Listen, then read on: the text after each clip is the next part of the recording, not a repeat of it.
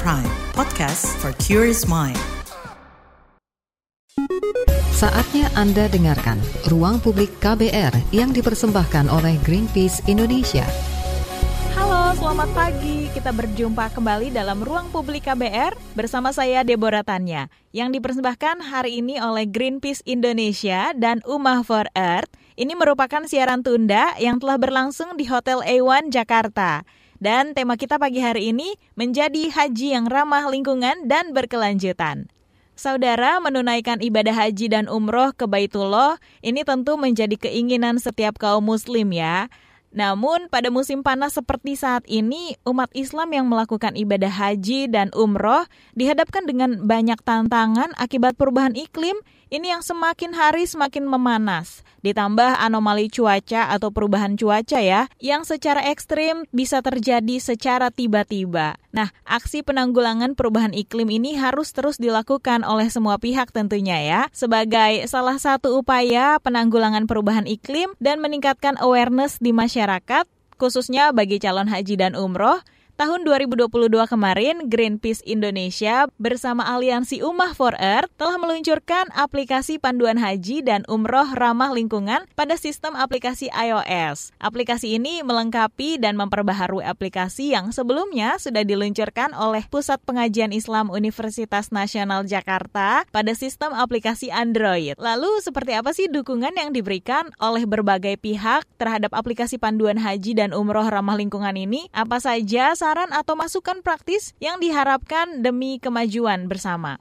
Dan apa saran atau masukan praktis yang diharapkan untuk kemajuan bersama? Nah, kita akan bahas lebih dalam terkait hal ini di ruang publik KBR. Silahkan Vivi. Uh, Bapak Ibu Karatokso tentu saja saya tidak akan sendiri di sini. Saya mohon izin memanggil para narasumber untuk bergabung bersama saya di atas panggung. Mohon kesediaannya uh, bergabung bersama saya Bapak Dr. Fahrudin Mangunjaya MSI, seorang aktivis lingkungan dan juga dosen pasca sarjana Universitas Indonesia. Bapak Habib Pamam Ali, anggota Dewan Kehormatan HIMPU, Himpunan Penyelenggaraan Umroh dan Haji.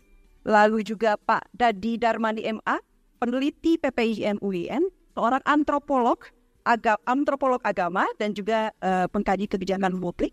Bapak silahkan. Dan Mbak Halisa Khalid juga join.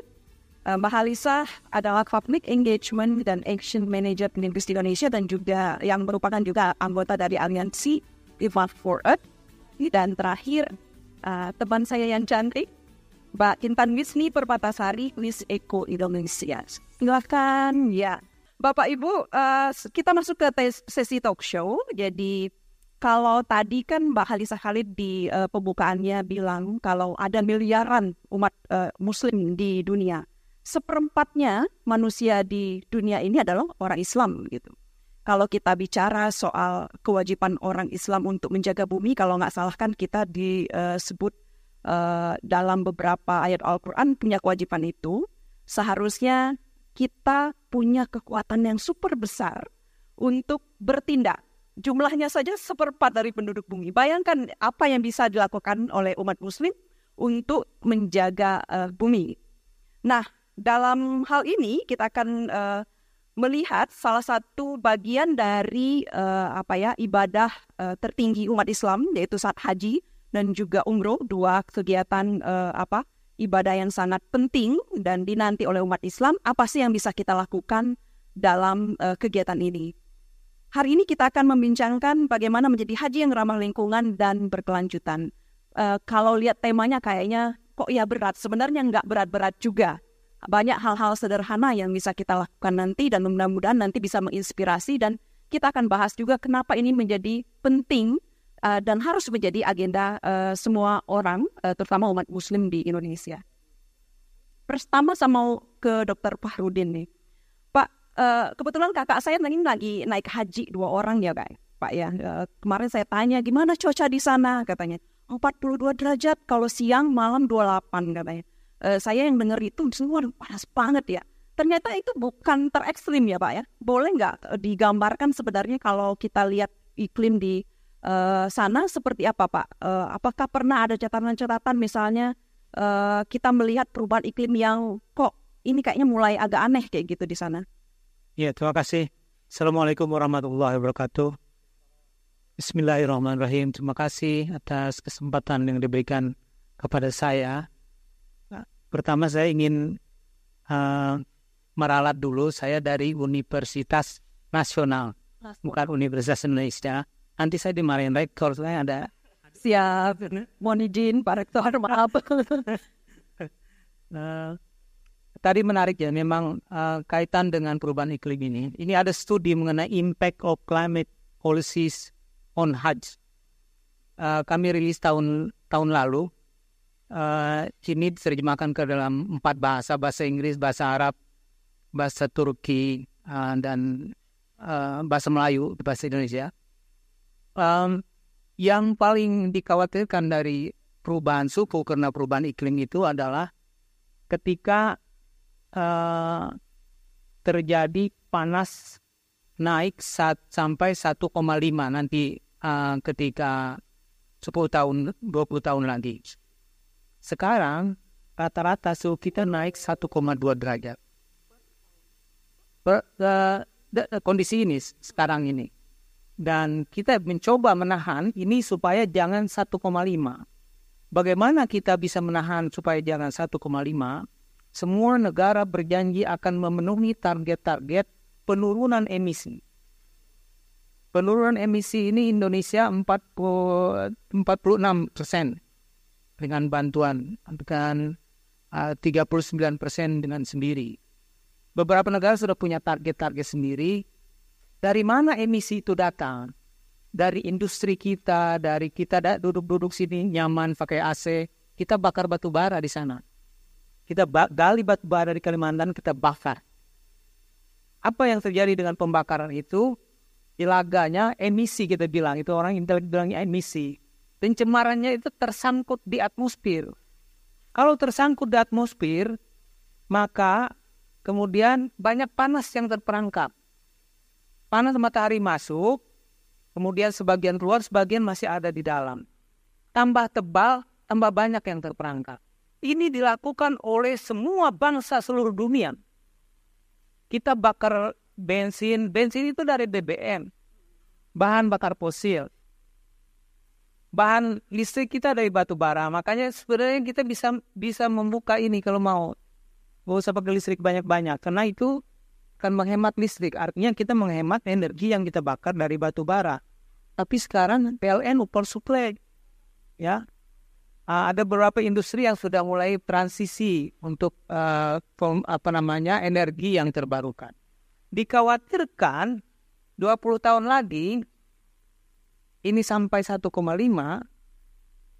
maka suhu bukan hanya 55 sampai 70 derajat. Bisa sampai segitu ya Pak? Bisa sampai ini studinya ada di sini.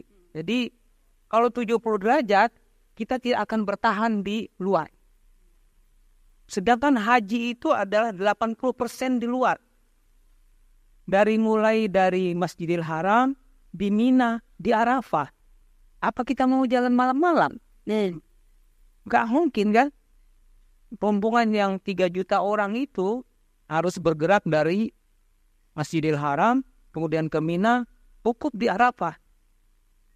Semua sa'i, sa'i ada di dalam.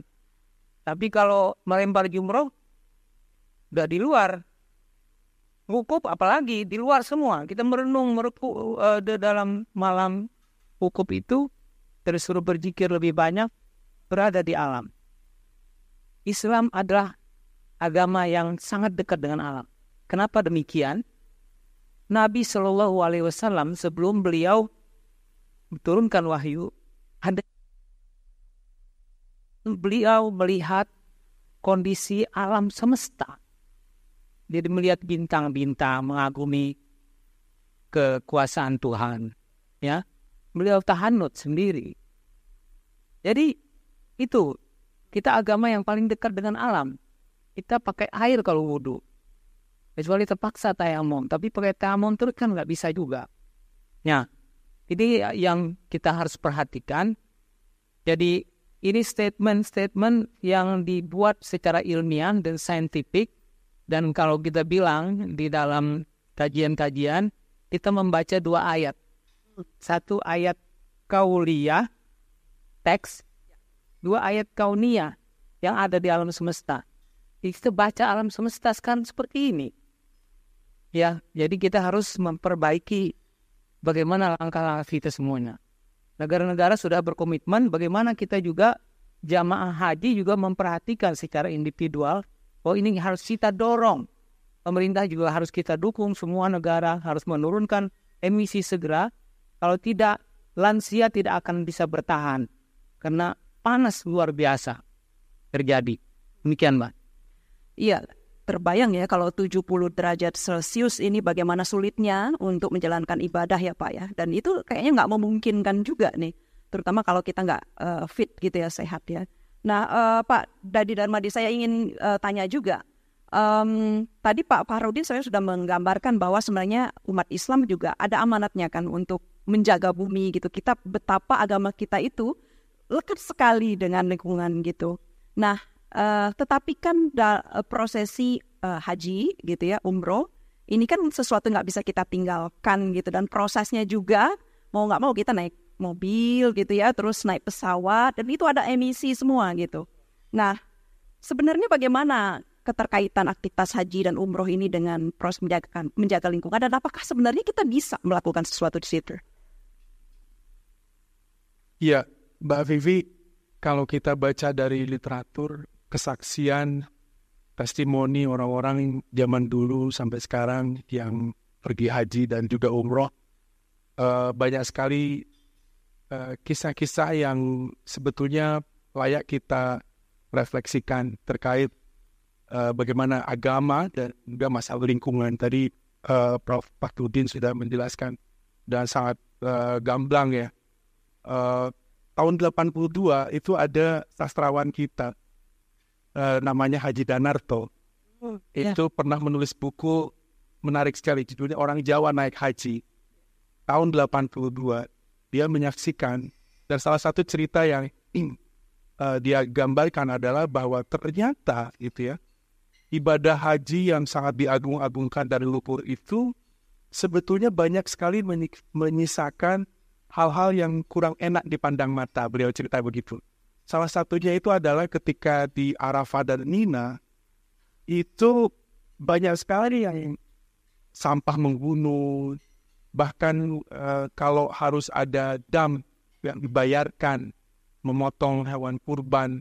Hewan kurbannya itu ketika sudah dipotong, sudah dilaksanakan uh, kewajibannya atau uh, persyaratannya, ditinggal begitu aja. Sehingga katanya di Arafah Mina itu banyak sekali Eh, bangkai-bangkai binatang yang disembeli karena memang sudah merupakan kewajiban untuk mengganti uh, apa sesuatu yang uh, tidak terlaksana atau kurang sesuai dengan pedoman pelaksanaan ibadah haji yang disebut dengan dam itu.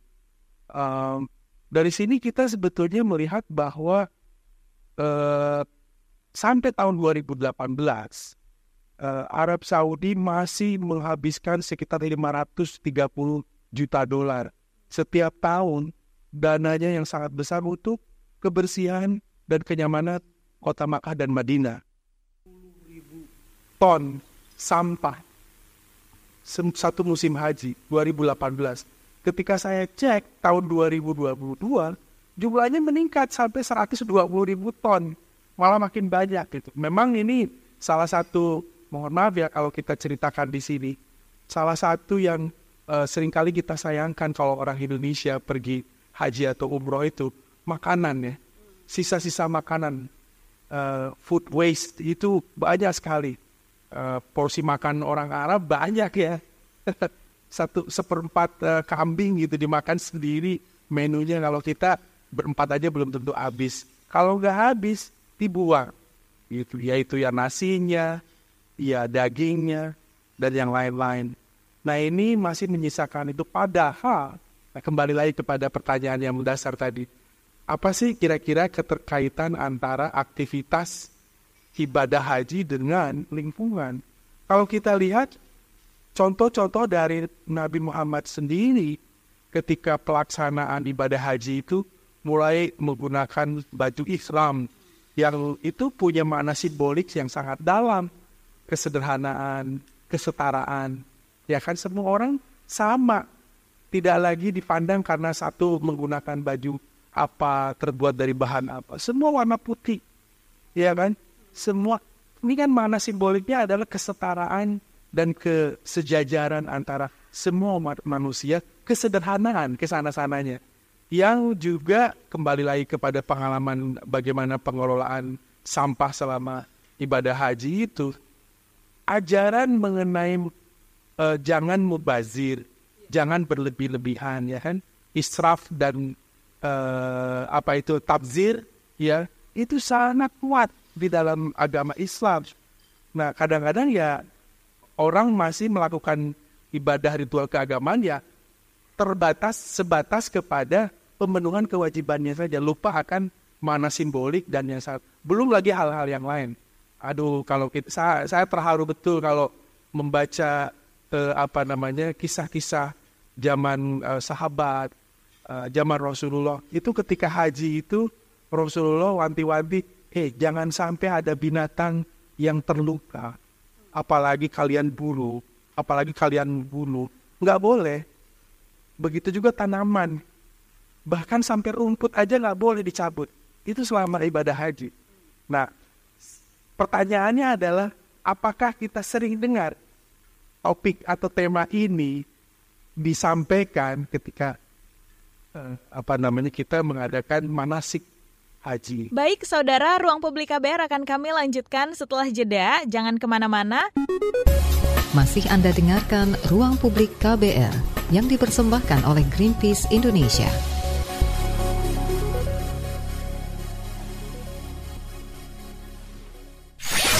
Commercial break. Commercial break.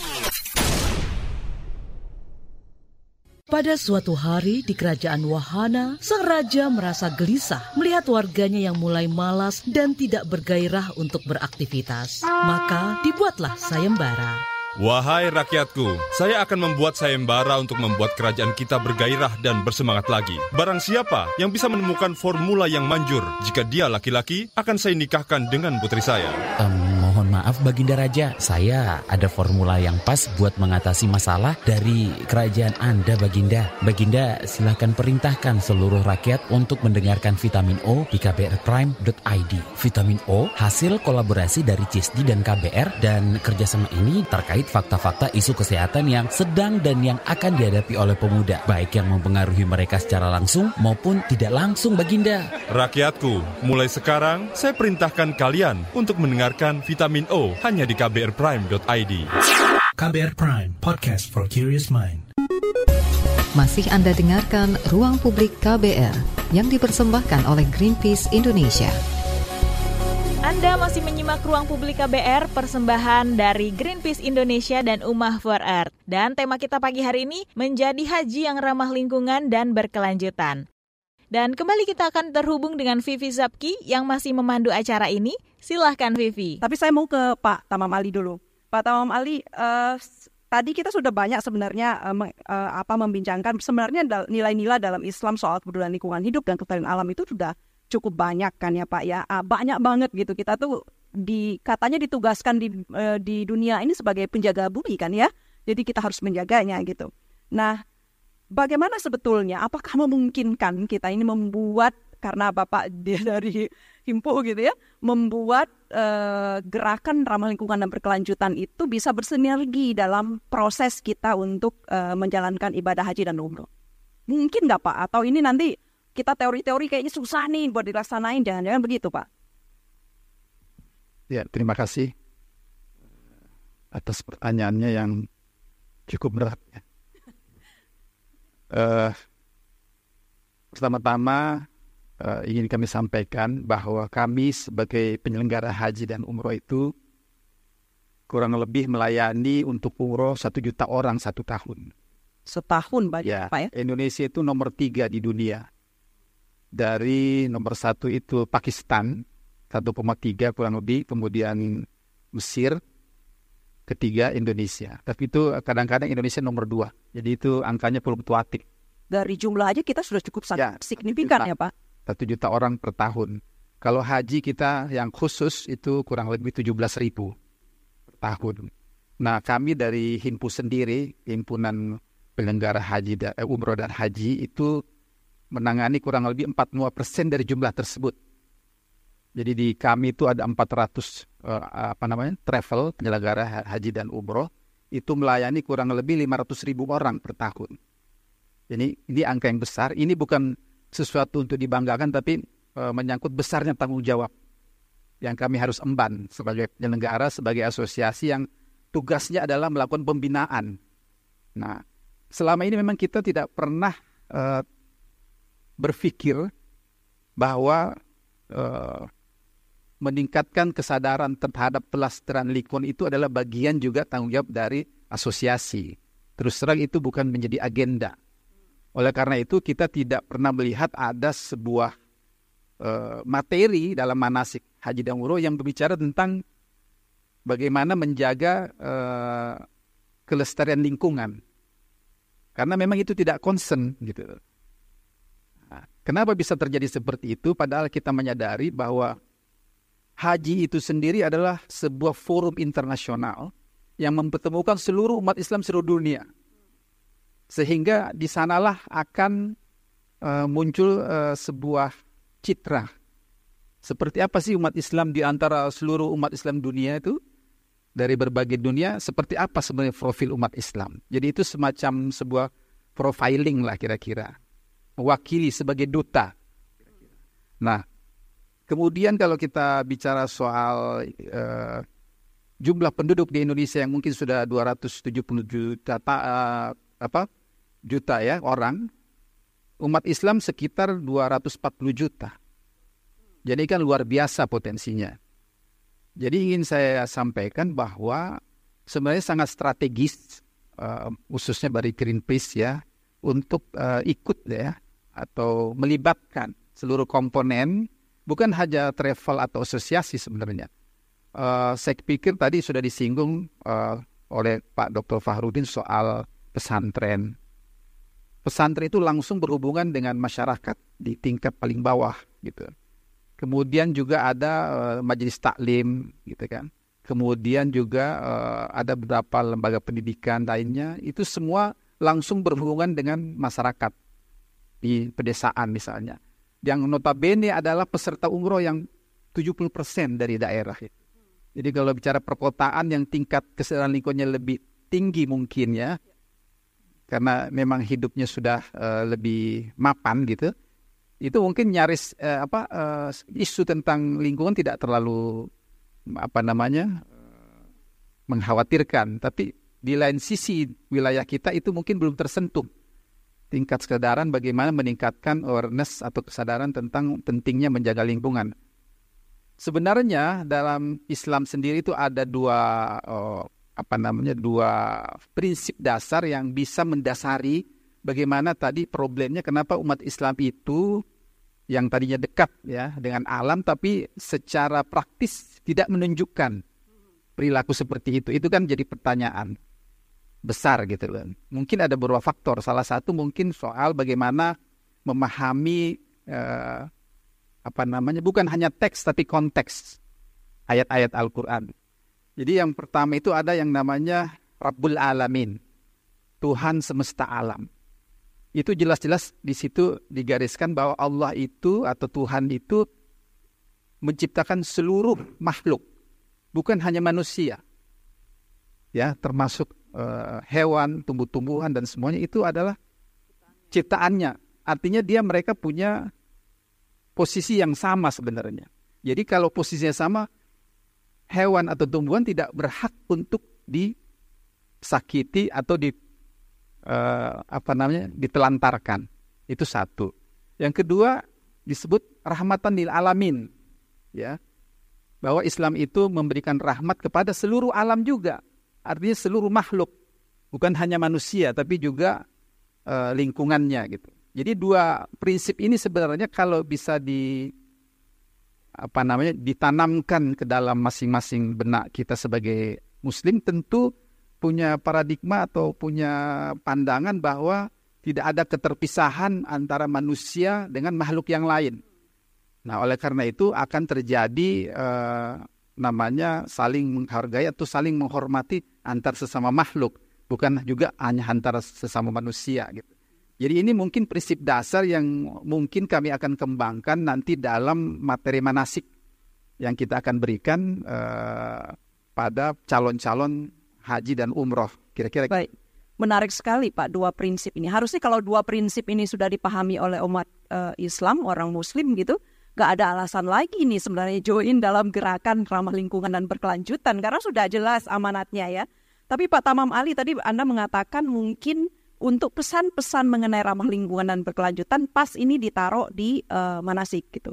Proses manasik ya Pak ya. Kalau melihat semua proses sampai berangkat sampai ke uh, sampai ke apa namanya itu uh, puncak ibadahnya gitu.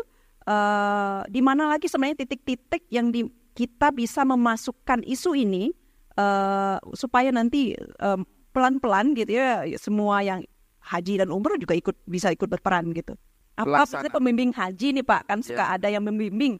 Jangan-jangan ini perlu di ada saya nggak tahu nih Mak. Tadi uh, sempat bincangin jangan-jangan perlu ada pendidikan juga untuk mereka gitu ya membimbing oh ya ada persoalan ini loh. Kayak tadi soal air kan mungkin nggak semua menyadari ketika naik haji bahwa air itu ternyata mahal dan susah di sana gitu. Iya. karena tahunya kan menikmati tersedia gitu loh Pak. Ya. Saya pikir kita harus lihat secara komprehensif ya. Mm -hmm jadi saya tidak ingin melihat hanya soal haji dan umroh sebenarnya. Di sini banyak faktor yang tadi Ibu sudah memberikan uh, satu gambaran bahwa memang dalam pelaksanaan haji umroh itu banyak sekali pihak yang terlibat sebenarnya. Kalau secara internal memang betul bahwa uh, setiap keberangkatan itu didampingi oleh seorang tour leader dan juga pembimbing ibadah. Dua orang ini sebenarnya menjadi figur sentral yang mampu menjadi panutan dalam penyelenggaraan haji dan umroh. Jadi apa kata beliau, uh, perilakunya itu jadi contoh.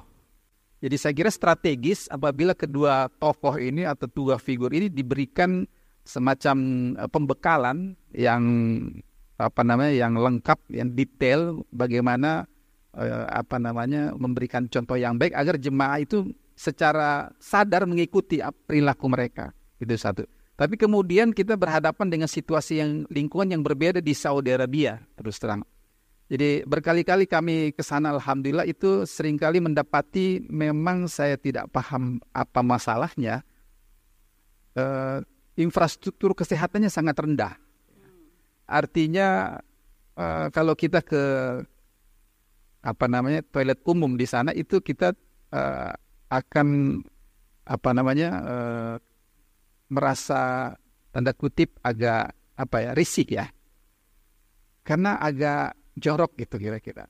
Nah, saya nggak paham kenapa masalahnya seperti itu, sehingga uh, kita agak susah untuk uh, apa namanya me melakukan atau bisa uh, memberikan contoh bagaimana bisa berperilaku yang apa namanya berwawasan lingkungan kalau infrastrukturnya sendiri memang tidak mendukung. Nah itu di sana. Di sini di Indonesia sendiri menurut saya pemerintah perlu uh, terlibat langsung terhadap uh, apa namanya kebijakan-kebijakan yang mendukung pelestarian lingkungan. Artinya dia tidak boleh, misalnya contoh yang paling uh, ekstrim adalah soal tadi soal uh, apabila ada semacam perusahaan ya atau uh, kegiatan pertambangan misalnya seharusnya yang jadi syarat adalah semakin tinggi tingkat pencemarannya maka tingkat pengolahan limbahnya juga harus sama. Memang itu membutuhkan biaya besar gitu. Tapi kalau kebijakan itu yang contoh seperti itu bisa dilaksanakan, saya pikir ini harus bisa menjadi sebuah gerakan nasional ya tidak hanya parsial gitu. Tidak hanya di uh, haji dan umrah. Betul. Baik, saudara, ruang publik KBR akan kami lanjutkan setelah jeda. Jangan ke mana-mana. Masih Anda dengarkan Ruang Publik KBR yang dipersembahkan oleh Greenpeace Indonesia.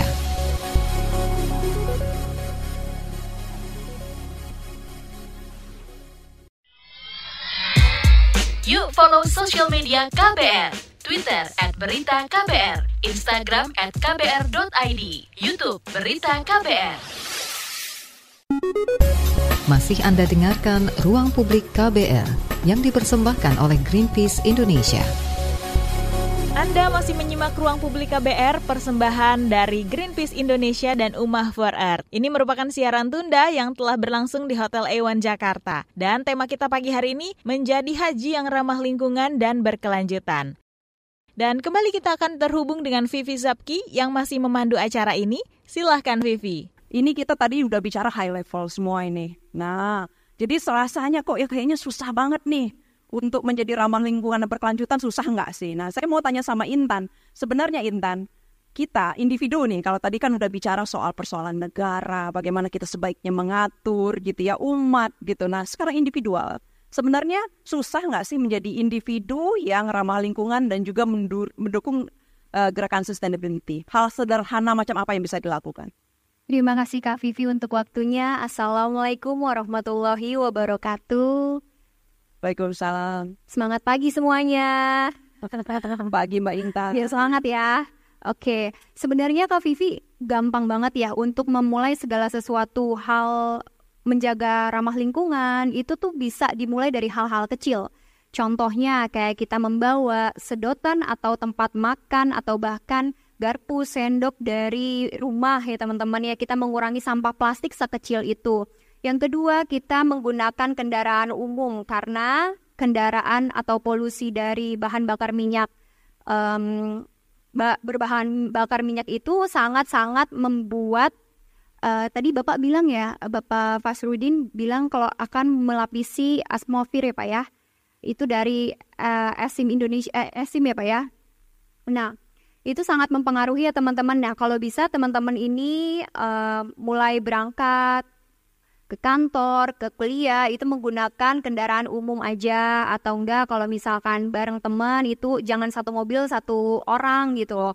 Jadi kayak bisa dua tiga orang karena itu mengurangi polusi di udara gitu kan. Uh, yang ketiga kita bisa mengurangi sampah sekali pakai. Contohnya ya teman-teman sekarang sebenarnya udah banyak yang mendukung hal-hal seperti itu. Uh, teman-teman bisa coba cek datang ke IKEA BSD ya sekarang kalau misalkan udah ngumpulin sampah botol plastik air minum, uh, itu akan dikasih reward es krim. Mungkin teman-teman ada yang pernah coba es krim di IKEA BSD.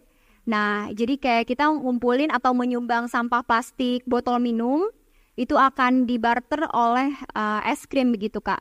Nah, selain itu juga mungkin kita yang paling penting nih kalau memang tidak tidak bisa setidaknya mengurangi sampah plastik sekali pakai, kita bisa membuang sampah pada tempatnya. Sekarang kan udah banyak juga ya gerakan-gerakan um, di beberapa tempat di mall atau di tempat-tempat tertentu yang memisahkan sampah plastik, sampah organik dan sampah um, yang berbahaya seperti sampah medis seperti itu ya. Itu sampah plastik itu bisa didaur ulang kembali teman-teman. Kayak aku pernah contohnya itu mengedukasi beberapa anak jalanan untuk mengurangi sampah plastik.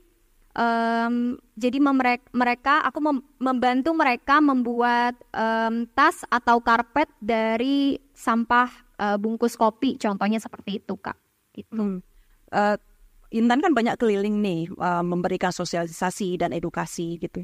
Nah dari pengalaman Intan, kira-kira kalau nyuruh orang untuk ikut lebih ramah lingkungan dan juga uh, ikut dalam gerakan sustainability, biasanya responnya seperti apa? Penolakan apa sih yang paling umum? Ini kan soal kita bicara soal perilaku manusia ya. Kadang-kadang ngerasa, ah aduh kok repot banget sih harus misahin sampah gitu.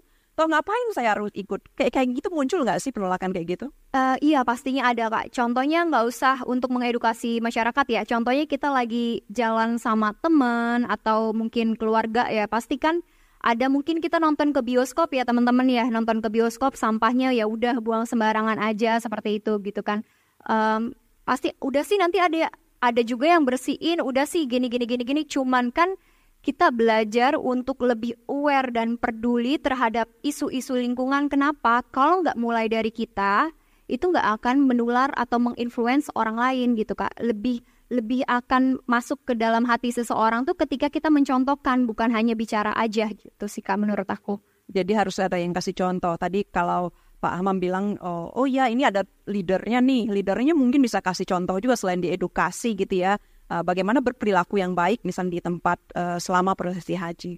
Nah, uh, menurut Intan biasanya dalam gerakan untuk mengajak orang yang paling susah itu penolakannya karena apa sih biasanya? Biasa penolakan itu karena ribet ya jawabannya. Dianggap ribet gitu. Iya, ribet. Karena kenapa ya? Misalkan kayak kita membawa sampah, uh, kita membuka buku citato atau something gitu ya, uh, produk-produk snack tertentu uh, yang berbahan plastik. Habis itu kan kayak kita kadang seenaknya aja buang, ah nggak mau masukin tas, takut nanti tasnya jadi bau atau nanti uh, sampah res-resannya itu nyampah di tas gitu kan atau di mobil gitu kan kak. Kita males bawa-bawa sampah untuk memasukkan atau mencari tong sampah yang lebih dekat gitu ya kak ya. Nah itu sebenarnya penolakan-penolakan seperti itu sih kak. Dan menurut aku nih um, sarannya untuk hal-hal seperti itu kita membawa sampah uh, eh kita sorry kita membawa plastik singkong mungkin kakak tahu ya uh, plastik singkong yang kecil untuk uh, memba membawa sampah-sampah snack yang kita habis gunakan. Jadi dibungkus lalu dimasukkan lagi ke tas kita agar kita tidak membuang sampah sembarangan seperti itu, Kak. Solusinya. Baik. Nah, pengalaman Intan begitu. Intan yang keliling-keliling ternyata nggak gampang ngajak orang gitu. Saya membayangkan ini bapak-bapak uh, yang haji dan umrah ini kan uh, keragamannya luar biasa. Dari tingkat pendidikan lalu apa namanya itu culture. Kita kan luar biasa beragam terus jumlahnya banyak lagi yang harus diajak gitu. Kalau membayangkan itu kayaknya kok susah. Gimana ya kita mulainya nanti gitu ya. Saya bayangin gimana nih? Uh, ada masukan nggak pak? Kita startnya dari mana kalau ngelihat ini? Kayaknya berat nih gitu apa yang bisa kita ubah misalnya untuk saat ini supaya nanti kita menuju deh ke arah sana gitu. Mungkin pak Dadi boleh ada masukan pak? Kayaknya berat banget gitu pak. Ngajarin misalnya yang naik haji ini nenek-nenek gitu dari kampung gitu ya. Terus disuruh nek sampahnya dipisah ya. Misalnya udah disediain nih sama penyelenggara haji Indonesia gitu di di di tenda masing-masing. Ini sampah ini ke sini. Nah itu kan susah banget itu. Berat banget kayaknya. Mungkin nggak kita gitu, akhirnya melakukan itu kalau difikirkan kayak gitu kayaknya berat dan ribet banget gitu ya. Tapi memang ini perlu effort kerjasama uh, dari semua pihak kalau menurut saya. Ada pakar ahli seperti Alfardin, ada influencer, public figure seperti uh, Intan, ada praktisi ya dan uh, apa namanya yang di dunia industri seperti Pak Tamam, ada peneliti, akademisi seperti Mbak Vivi, saya dan kawan-kawan yang lain uh, bersinergi sesuai dengan bidangnya masing-masing. Uh, kalau istilahnya dulu almarhum Cak Nur itu Nur Olis Majid dibilang kalau kita melihat sesuatu itu susah dan ruwet kayak benang kusut dari mana kita memulainya ya harus uh, kita coba uraikan gitu dari mana aja kita coba gitu kan akhirnya terurai sendiri gitu jadi tidak harus selalu pakai teori dan macam-macam dan kita harus berani mengambil uh, langkah yang uh, mau nggak mau kita berbesar hati mengambil best practice kalau menurut saya. Hmm. Contohnya Jepang. Bagi bapak ibu teman-teman yang uh, sering ke Jepang atau pernah ke Jepang pasti melihat di pinggir jalan, di sepanjang jalan, bahkan di gedung-gedung itu jarang ada sebenarnya tempat sampah. Karena justru kalau kita naruh tempat sampah di situ, orang naruh sampah di situ. Nah, di Jepang best practice-nya adalah jadikan sampah itu sebagai tanggung jawab personal masing-masing orang. Jadi kalau ada seseorang uh, harus membuang sampah ya dia bawa, entah ditaruh di tasnya atau kadang-kadang dimasukkan ke dalam sakunya. Nanti kalau ada tempat di mana buang sampah, ada misalnya di terminal atau di mana, baru dia buang. Atau kalau enggak ya di rumah, hmm. gitu. Sehingga justru dengan begitu uh, apa namanya uh, terbentuk satu kultur baru. Kan ini baru nih. Ya. Kultur baru yang harus kita galakan. Memang susah. Susahnya ya gimana ya? Mohon maaf, saya tinggal di Tangerang Selatan. Setiap hari lewat dari Pamulang, Ciputat sampai Lebak Bulus ya kan. Itu di sepanjang jalan udah dikasih tulisan gitu. Barang siapa yang buang sampah di sini didoain apa gitu ya. Tetap aja deh buang. buang sampahnya di situ. Karena memang secara kultur uh, belum terbentuk secara infrastruktur tadi uh, apa namanya Pak Tamam bilang di kita itu kan memang kurang juga gitu tempat uh, apa namanya uh, di mana orang bisa membuang sampah Nah ini harus diberlakukan uh, best practice-nya kita viralkan, ya kan? Mungkin kita bikin pilot project dulu. Kita bikin kelompok uh, apa jamaah haji kloter berapa kerjasama sama Greenpeace. Ya. Misalnya nih, kasih sampel dulu gitu ya. Iya, kasih uh, apa namanya uh, waktu yang cukup bagi pembimbingnya, ustadznya untuk mem membumbui apa me me me memasukkan komponen-komponen uh, haji ramah lingkungan ini ke dalam manasiknya, ke dalam apa? Jadikan itu sebagai contoh.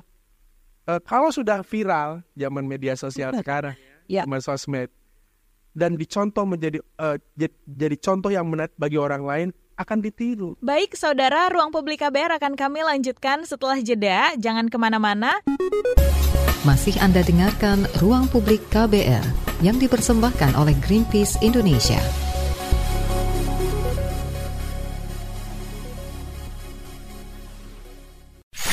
Commercial break. Commercial break.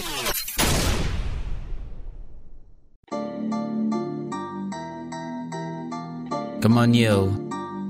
Buat yang sukanya berhoax, you better listen to this one. Check this one out yo.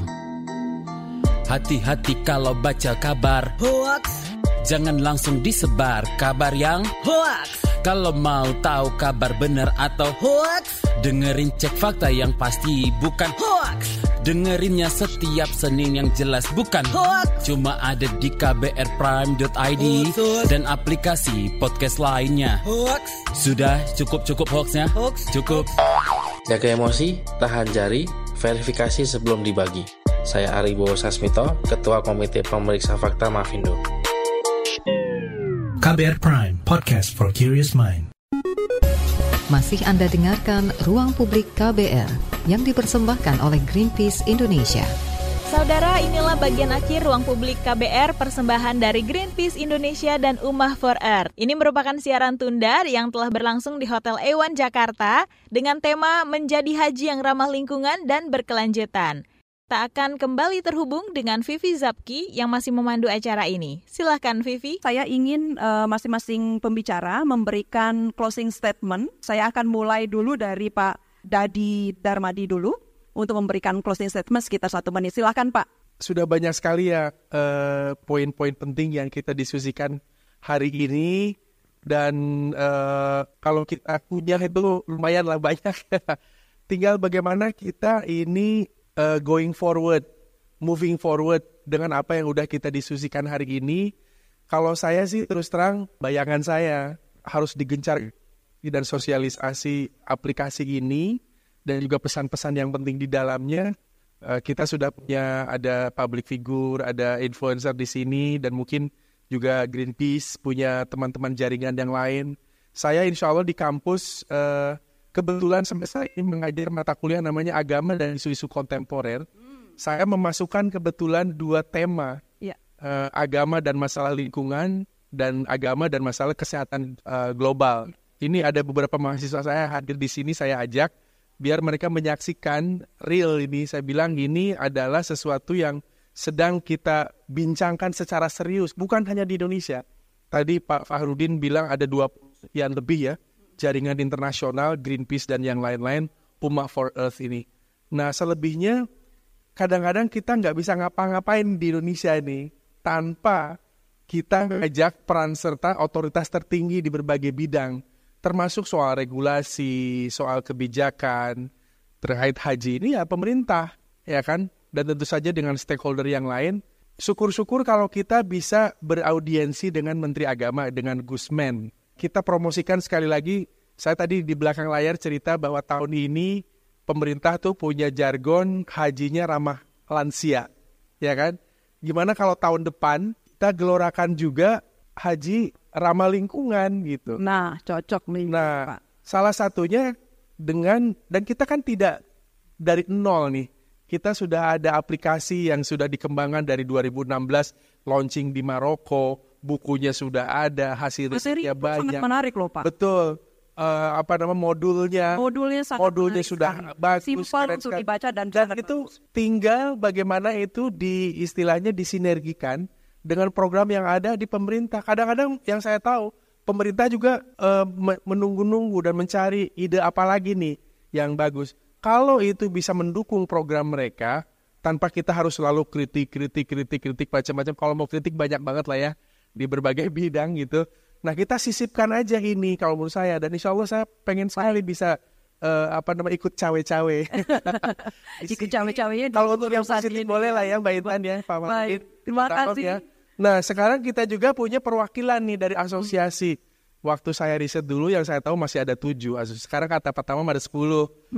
Artinya partner kita makin banyak Mbak Vivi. Dan insya Allah kalau misalnya yang satu kita ketuk ya kan pintunya nanti lewat eh, Pak Tamam Ali kita dikenalkan lagi dengan organisasi asosiasi yang lain itu haji setahun 220 ribuan tapi umroh itu satu juta mungkin lebih.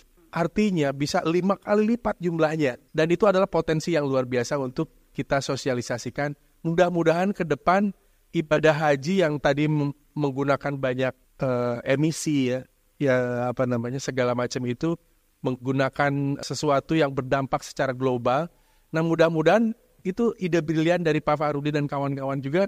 Satu orang jamaah haji ketika pulang dari haji itu nanam satu pohon itu ide brilian sekarang. Saat terakhir saya ingin cerita bahwa dari riset penelusuran saya, kadang-kadang Arab Saudi ini juga perlu kita dorong terus. Jangan biarkan dia sendirian. Jangan mengerjakan- mikir sendiri. Jangan cuma mikir sendiri. Kalau Mbak Vivi ingat bagaimana ceritanya di Arafah dan Mina itu ada pohon, Hmm. konon legendanya, ini saya dengar cerita dari orang Arab sendiri, itu adalah Presiden Soekarno tahun 50-an pergi haji, dia ini tandus sekali. Ya kami kan nggak punya pohon, tapi di Indonesia banyak pohon, mau gitu. Kalau tidak salah ceritanya Presiden Soekarno menginisiasi penanaman pohon-pohon di Arafah itu, yang sampai sekarang masih ada sisanya dan mereka menyebutnya sejarah Soekarno pohon Soekarno. Itu membawa salah satu ahli eh, tanaman dan pohonnya khusus yang memang bisa hidup di sana dari PB kalau tidak salah. Yang kedua, kalau kita lihat sekarang orang beribadah sa'i itu, Safa dan Marwa, itu mereka tidak rebutan, tidak tabrakan macam-macam. Itu adalah peran dari orang Indonesia juga yang namanya M Hatta, wakil presiden kita. Waktu itu benar-benar ini apa nggak bisa diatur ini? ya susah ini udah lama kayak gini gitu. Enggak, ini bisa dibikin dua jalur. Jadi orang kalau dari eh, Safa ke Marwa gitu kan satu jalur, nanti yang dari Marwa ke eh, Safa itu juga satu jalur. Jadi enggak harus tabrakan. Kalau dulu kan tabrakan, ada tukang dagang di situ, ada yang bikin tenda di situ macam-macam. Nah, artinya apa? Sangat terbuka. Apalagi Indonesia the biggest Muslim majority nation, ya kan? Negara dengan penduduk muslim terbesar di dunia pasti didengar. Apalagi kalau kita memang serius bilang kita bukan hanya mengusulkan, hanya mengkritik, ini usulannya. Dan Greenpeace Indonesia kan punya bahan yang bagus untuk itu. Baik, terima kasih Pak. Menarik sekali ya. Jadi kita bisa uh, juga menjadi pemicu perubahan. Pak Farudin, saya ingin closing statement juga dari Bapak sekitar satu menit. Silakan Pak. Tadi saya ingin menekankan mengenai perubahan perilaku ya. Eh, ada tiga hal yang bisa dilakukan untuk perubahan perilaku. Satu pendidikan. Jadi kita terus mengedu- mengedukasi eh, diri dan warga serta komunitas kita itu kalau memang di komunitas. Termasuk pemerintahan juga harus diedukasi. Banyak bahan-bahan ini kita siapkan gitu ya. Yang kedua yang bisa me- merubah perilaku itu adalah law enforcement, penegakan hukum. Peraturan ada di Jakarta buang sampah sembarangan. Ah, Dibilang nggak ada, ada tapi nggak ditegakkan. Nggak seperti kita melegakan ah, lalu lintas. Ya, ada polisinya di situ. Itu penegakan hukum, nggak ada tilang. Nah, kalau kita mau lewat juga kita lihat-lihat dulu ada polisi apa enggak gitu kan. Tapi itu Kak Myuri juga itu tegak hukumnya. Penegakan hukum yang kedua, yang ketiga pasar. Tidak akan orang nebang kayu kalau nggak ada pasar. Kalau tidak ada permintaan, itu tidak akan orang menebang apa namanya. eh, nah, sekarang pasar ini juga harus dikendalikan, gitu. Jadi tiga hal ini pendidikan, law enforcement, dan pasar. Jadi eh, market demand ini yang juga harus dikendalikan. Terima kasih. Terima kasih Pak Farudin. Sekarang ke Pak, Pak Tamam Ali. Pak Tamam. Jadi yang pertama memang kita harus menyadari aplikasi eh, apa Green Hats ini memang sesuatu yang bagus ya. uh, sesuatu yang berguna pastinya dalam rangka untuk menjadi guidance bagi jemaah haji umroh ya. Namun perlu disupport, didukung dari uh, kalangan yang tidak tersentuh atau tidak terjangkau dari smartphone karena kita tahu bahwa masyarakat kita terutama yang tadi disebut banyak kan lansia yang berangkat karena nunggu terlalu lama ini juga perlu dilayanin ya dilayani karena mungkin mereka tidak terlalu familiar dengan smartphone bahkan mengoperasikan sendiri mungkin mereka uh, agak agak gaptek gitu kira-kira. Nah ini yang perlu disentuh. Nah cara menentunya menurut saya itu uh, jalurnya banyak ya. Saya ingat Kementerian Agama itu punya uh, semacam jaringan sampai ke tingkat desa yang namanya KUA, Kantor Urusan Agama, di mana semua orang berkepentingan ya untuk lembaga itu. Nah ini sebenarnya lembaga yang secara infrastruktur ada di semua wilayah dan itu bisa ditumpangkan dengan kampanye berupa atau semacam sosialisasi dari program ini gitu. Itu salah satu. Begitu juga yang tadi dengan majelis taklim dan sebagainya. Kami sebagai penyelenggara siap mendukung, e, berusaha memasukkan semacam kurikulum khusus di manasik itu tentang bagaimana cara e, atau menjadi haji yang ramah lingkungan. Kami akan coba e, apa namanya melakukan apa istilahnya kami ada bidang namanya pengembangan, penelitian dan uh, apa terapan teknologi informasi. Itu nanti kita akan manfaatkan untuk uh, membuat uh, semacam uh, apa namanya materi-materi dari bagaimana atau uh, minimal ada teks-teks yang uh, dari Quran dan hadis yang memperkuat bagaimana seorang muslim itu yang kalau mau mabrur ya harus ramah lingkungan kira-kira gitu. Siap, Pak. Terima kasih banyak Pak Tamam Ali. Terakhir Indah, dari sisi Indah kira-kira ini apa yang mau di-highlight disampaikan? Kalau dari aku sih lebih ke eco lifestyle ya kak ya. Uh, kenapa? Karena hal kecil tanpa sadar kita lakuin itu juga menambah sampah-sampah plastik, itu juga sangat mencemari polusi ya teman-teman. Kita mulai dari diri sendiri aja dulu gitu loh. Karena tanpa sadar ketika kita mulai dengan diri sendiri dengan konsistensi yang tinggi, itu akan menularkan positif um, vibrasi atau positif contoh yang positif kepada masyarakat atau lingkungan kita sendiri gitu loh. Contohnya seperti membawa tumbler, um, alat-alat makan dari rumah seperti itu ya, um, sedotan stainless, terus udah gitu kita mengurangi membawa kendaraan satu mobil sendiri seperti itu dan lebih sering gunakan uh, kendaraan umum seperti itu kak kalau dari aku sendiri gitu. baik terima kasih. Jadi kita harus mulai dari diri sendiri. Uh, Bapak Ibu uh, diskusi kita sudah cukup panjang. Banyak hal menarik tadi sangat padat sebetulnya gitu ya. Uh, tapi tadi beberapa yang ingin saya highlight bahwa uh, sesungguhnya kita sebenarnya bisa melakukan perubahan. Ada beberapa tadi Pak Fahrudin mengatakan harus dimulai dari pendidikan gitu ya penegakan hukum ini jangan dilupakan dan juga uh, mengingatkan bahwa uh, pasar itu juga perlu dikontrol ya. Jadi kalau uh, perlu ya, kalau pasar dikontrol saya bayangkan misalnya kalau ada uh, penyedia uh, layanan di haji yang memang tidak ramah lingkungan kalau bisa dia ruang geraknya dibatasi gitu ya. Dan sudah ada komitmen juga dari Pak Tamam Ali tadi uh, ini boleh nih udah mulai mau dicoba katanya kurikulum di uh, manasik gitu ya. Uh, tentu saja ini tidak uh, lengkap sebetulnya, butuh diskusi-diskusi lain untuk memastikan itu target ya. Mudah-mudahan tahun depan betul bisa jadi uh, tema hajinya adalah uh, haji yang ramah lingkungan ya. Coba kita sama-sama menargetkan itu untuk tahun depan. Siapa tahu tercapai. Namanya juga berdoa ya katanya kalau Eh, kata-kata itu doa yang mudah-mudahan tahun depan tercapai. Saudara, karena waktu kita terbatas, kita akan mengakhiri perbincangan pagi ini di ruang publik KBR. Terima kasih untuk kebersamaan Anda. Saya Deborah Tanya undur diri. Salam. Baru saja Anda dengarkan Ruang Publik KBR yang dipersembahkan oleh Greenpeace Indonesia.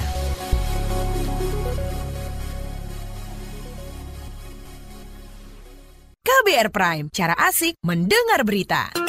KBR Prime, podcast for curious mind.